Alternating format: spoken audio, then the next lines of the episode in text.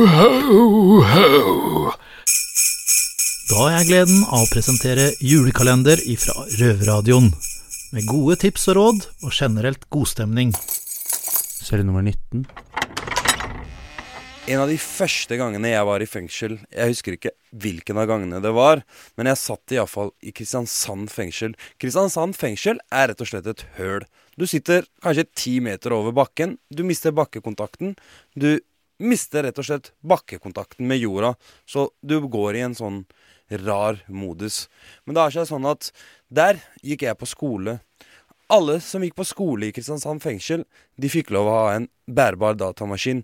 Det var da selvfølgelig ikke noe tilkobling til internett eller noe sånt. Det var bare fordi at vi kriminelle vi har gjort mye krim, så vi har ikke gått på skole. Så det er ikke alle som kan lese og skrive.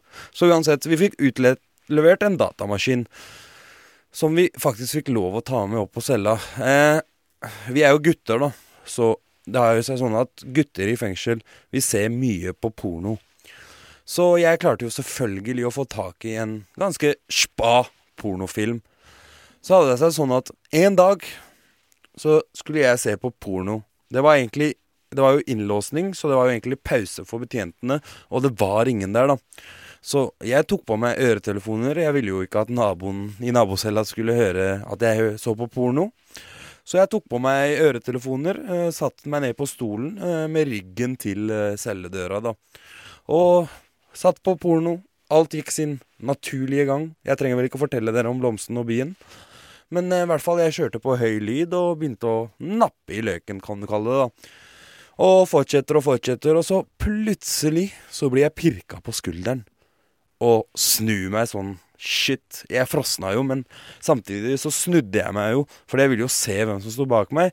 Og tror du faen ikke avdelingslederen sto der. Og jeg har aldri vært så flau i hele mitt liv. Og samtidig så har jeg utrolig dårlig samvittighet til alle de dere som sitter i Kristiansand i dag og etter det.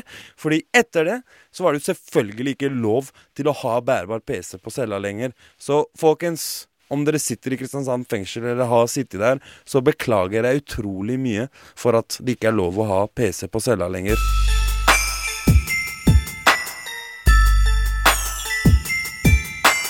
Ho, ho, ho.